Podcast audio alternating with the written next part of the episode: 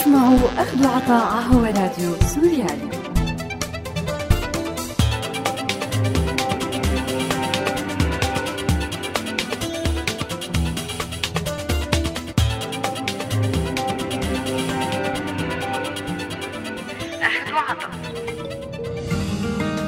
أعزائي المستمعين أهلا وسهلا فيكم. برحب فيكم أنا مايا بحلقة جديدة من برنامج أخذ وعطا وبذكركم أنه هذا البرنامج بالتعاون مع مبادرة كلنا مواطنون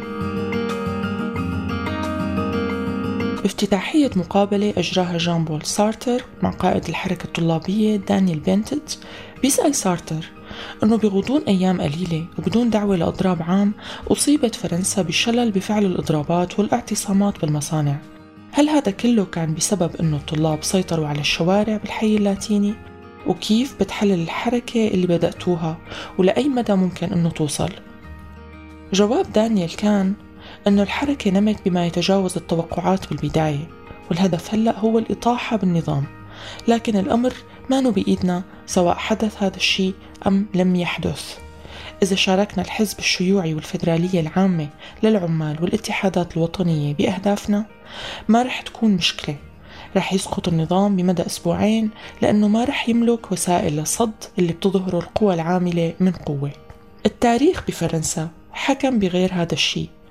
وانتهت هالحركة الطلابية والعمالية سنة 1968 واللي قامت ضد نظام شارل ديغول بتنازلات قدمتها الحكومة بالوقت المناسب للعمال المنظمين. الشيء اللي أدى لشق التحالف المؤقت بين العمال والطلبة وفوز ديغول بالانتخابات. بالرغم من انكسار حركة الطلبة الفرنسيين امتدت الاحتجاجات الطلابية لخارج حدود فرنسا ونظمت كل جامعة بكندا تقريبا انتفاضتها الخاصة وشنوا 40 ألف طالب الكيبك إضراب عام وطالبوا بدولة اشتراكية مستقلة.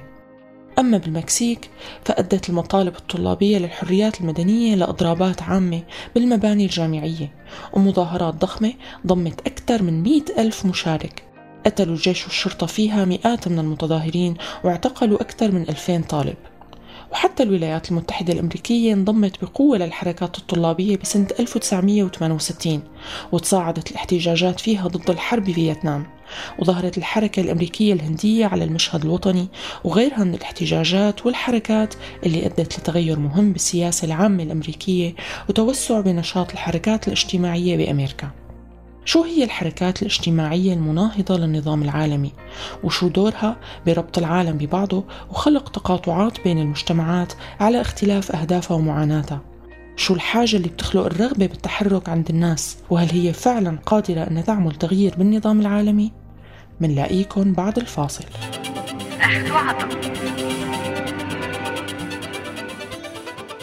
أهلا وسهلا فيكم من جديد وبداية مثل العادة خلونا مع هذا الاستطلاع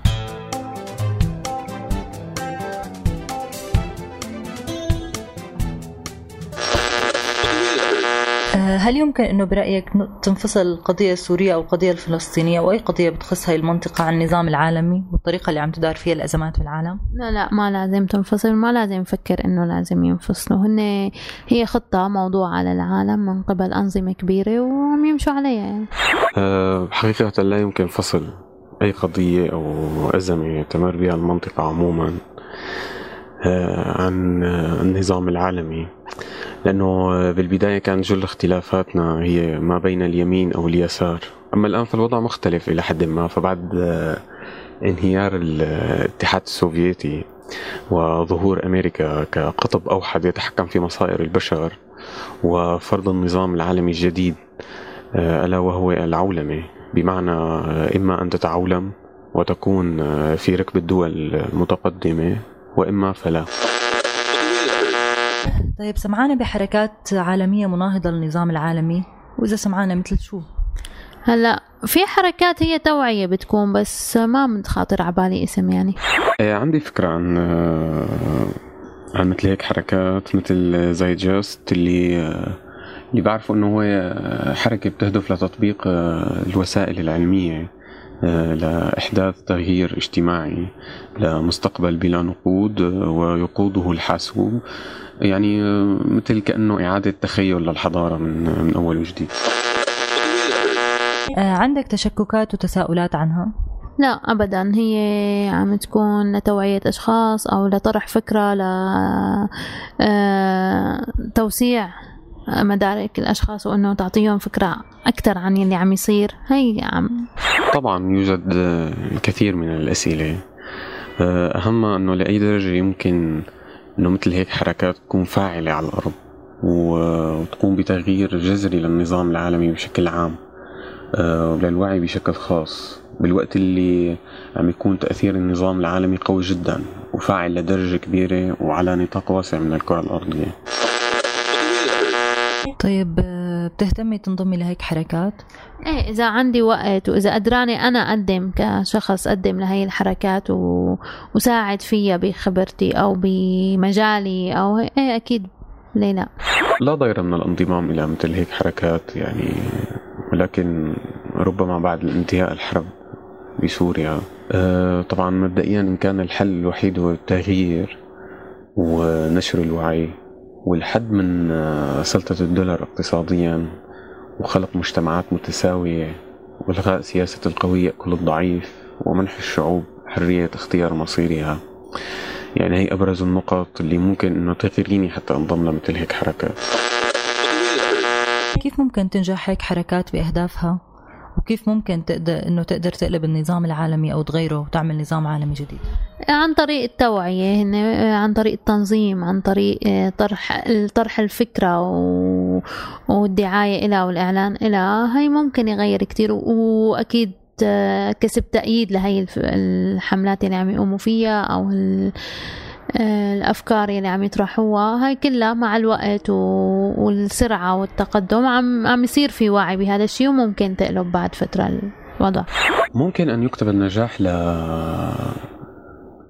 مثل هيك حركات كانت عم كانت تعمل يعني باستقلالية تامة بعيدا عن أي أجندات متأثرة بشكل أو بآخر بالنظام العالمي الحالي. وللنجاح الحقيقي برأيي بعض التجليات السياسية كالديمقراطية واحترام التعددية وحقوق الإنسان وتجليات اقتصادية عالمية آه، اللي بدورها بتحرس مبدأ آه، حرية السوق وبتلقي القيود على حرية التبادل التجاري وتجليات ثقافية تظهر في السعي لسوق قيم ثقافية عالمية ملزمة لكل المجتمعات وتسري على جميع الثقافات. وأخيرا تجليات اتصالية وهي عبارة عن تحول المجتمع العالمي إلى مجتمع شبكي تسوده التدفقات المتنوعة في سياق الفضاء المعلوماتي آه الذي أحدث انقلابا في التواصل والتفاعل بين البشر من خلال آه الشبكة العنكبوتية أو شبكة الإنترنت.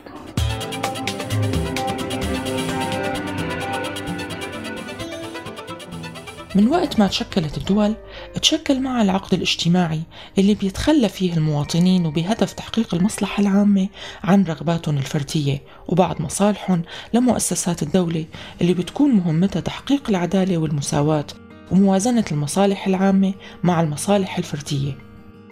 ولأنه الخلل وارد وأحيانا كتير عم يكون حتمي ومستمر مستمر لوقت كافي ليحفز الناس تقوم بحركات مناهضة بتتوجه ضد ممارسات معينة أو ضد أنظمة شمولية بتمتاز بانتهاكاتها لحقوق ومصالح المواطنين داخل وخارج الدول نفسها. لهي الأسباب وجدت الحاجة للحركات الاجتماعية كرد على سياسات الدولة وإعلان عن سيادة الشعب المستمرة. العالم دائما كان مرتبط ببعضه ومثل ما هي الحروب والكوارث عالمية بآثارها كمان حركات ونضالات الشعوب بتملك أثر قادر ينتشر بسرعة بين سكان الأرض. مثل حركات الاستقلال بالعالم اللي واجهت فيها الشعوب الدول المستعمرة والمستغلة لمواردها. لتشكل مع الوقت تجارب الاستقلال الناجحة أمل عند الشعوب الثانية لتبلش تحركها. بوقتها وبالرغم من صعوبة التواصل والوقت اللي بيحتاجه كان بيكفي إنه شعب واحد يبلش بثورته حتى تفيق باقي الشعوب وتحرر حالها. أما الشعوب اللي كانت مشاكلها مختلفة فكانت حركات التحرر بالنسبة لها صوت أمل ونموذج لقدرة المجتمع على رفع الظلم وإنهاء العبودية والعنصرية مثل ما صار بأمريكا وجنوب أفريقيا الشيء اللي ساهم بتطوير مفهوم حقوق الإنسان حول العالم. العالم لهالدرجة وأكثر مرتبط ببعضه متشابك وملتصق بالرغم من كل الحدود المرسومة والمحكومة بينه. هذا الشيء خلانا نعرف أن الظلم بمكان ما هو إلا نموذج لإمكانية حدوث ظلم مشابه والتلوث بمكان حتما رح يأثر على العالم كله. وتماما مثل ما ساهم التطور التكنولوجي والتدرجي حول العالم من زيادة قوة الدول وقدرتها على السيطرة على أنشطة الناس ومواردها. ساهم هالتطور بتشابك الشعوب وانتشار التقدم العلمي والمعرفي بطريقة أسرع. أدت فعلا لتحول العالم كله لقرية صغيرة.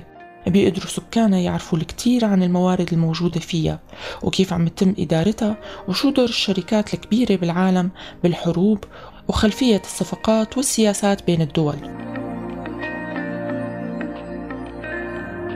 وطبعا هالشي أدى لتحرر وتطور وعي الشعوب بطبيعة السلطات المركزية للأنظمة الحاكمة ولدعم بعضها بالبداية وانتشار الحركات والمنظمات اللي بتملك أهداف وآثار بتمتد لخارج الحدود القومية والمكانية. لتفقد مع الوقت هالحكومات القدرة على السيطرة وعلى ضبط التحركات لكنها كانت وما زالت بتلجأ لطرق أخرى لتفرغ هي الحركات من فكرها وتحرفها عن مسارها. وهون خلونا نحكي شوي عن الحركة الهبية اللي قامت بالولايات المتحدة الأمريكية بالستينات من القرن الماضي.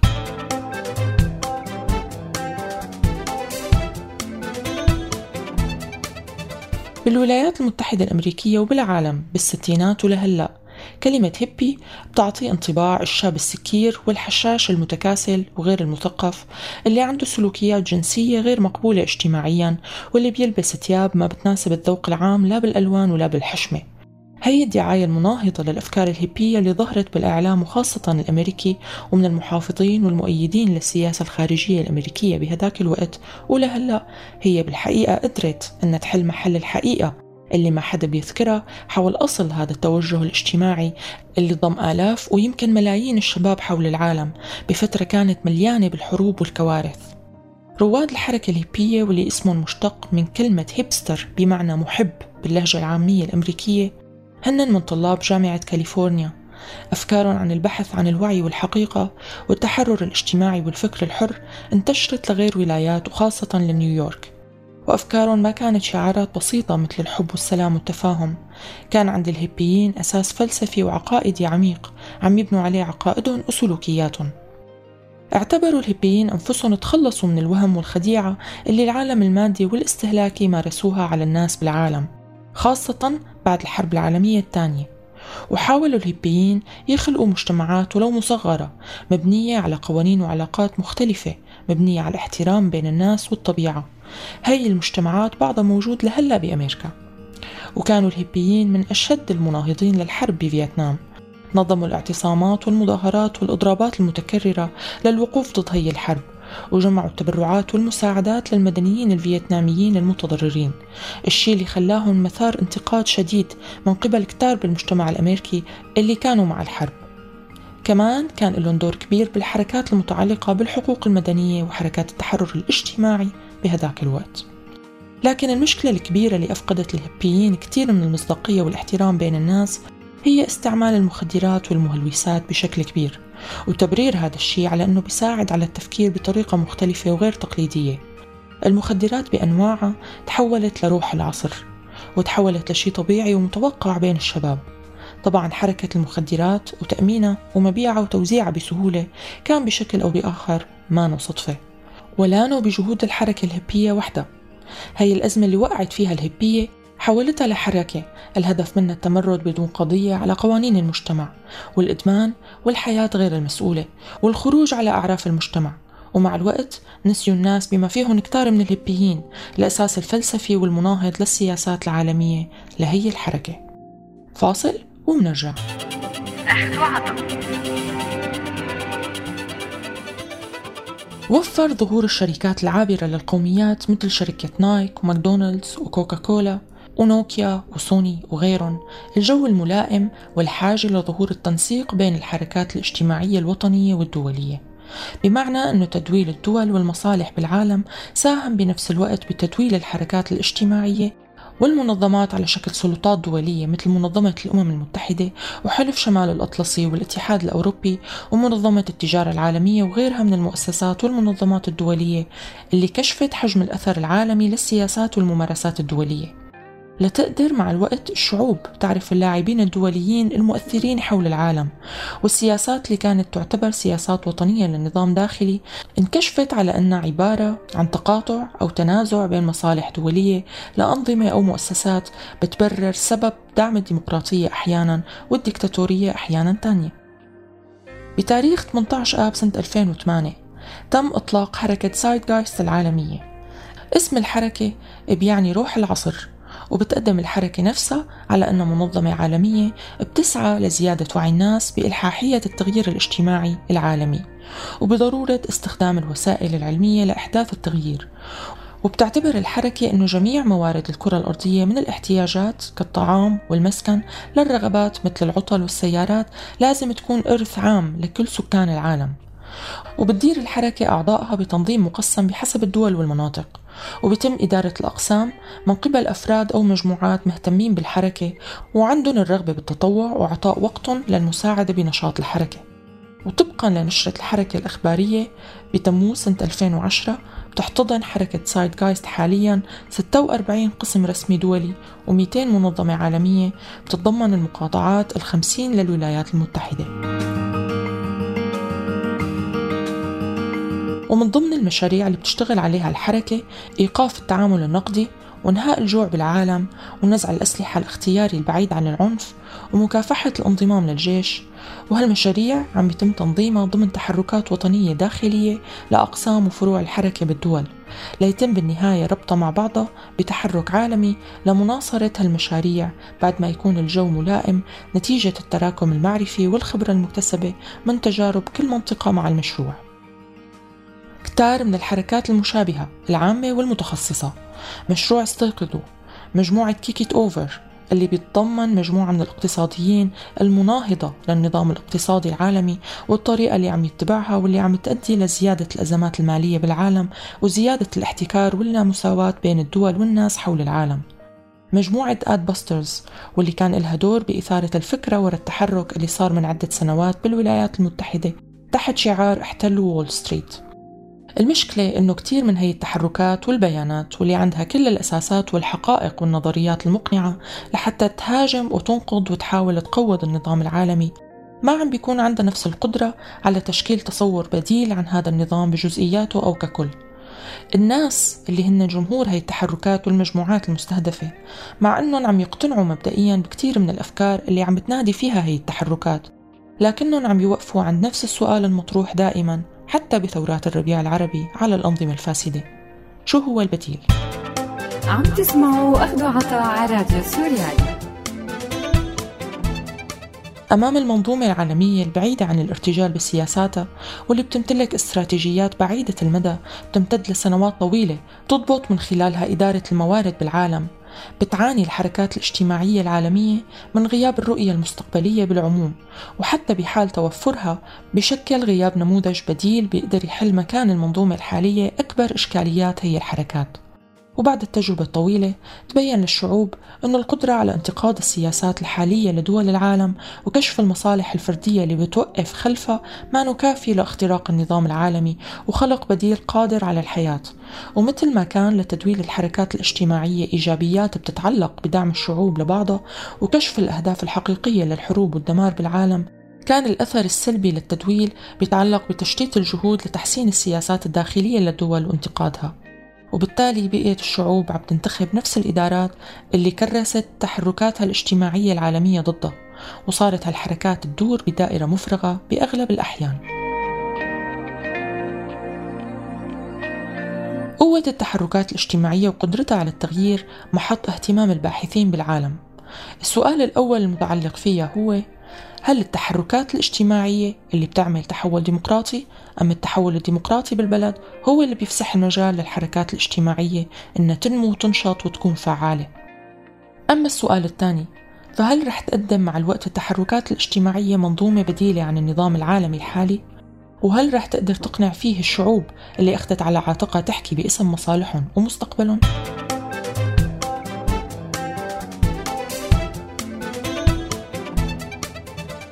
بهي الأسئلة أصدقائي وبنهاية حلقتنا أنا بودعكم على أمل أني ألتقي فيكم بحلقة جديدة من أخد وعطا الأسبوع الجاي. لا تنسوا تتابعونا على موقعنا سوريالي dot com وأرشيفنا دائما بتلاقوه على ال SoundCloud وولفوا علينا FM. من هون للأسبوع القادم كونوا بألف خير. إلى اللقاء.